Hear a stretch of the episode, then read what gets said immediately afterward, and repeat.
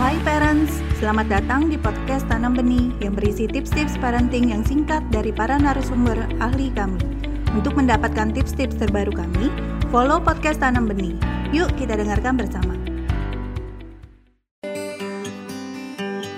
Apakah benar semua konflik antar anak itu masuk kategori bully? Ada empat kategori. Contohnya, jelek jelek jelek, oh cupu cupu cupu, atau misalnya ngeledek nama temennya atau nama orang tua temennya. Yang kedua itu ada yang namanya kekuatan yang tidak seimbang. Contoh, senior membuli junior, ya. Lalu yang ketiga, puas ngeliat temennya menderita, puas ngeliat temennya malu. Dan ciri terakhir yang paling-paling menunjukkan itu ada bullying adalah pengulangan. Jadi targeted. Yang membuat korban menjadi menderita banget itu sebenarnya karena dia targeted.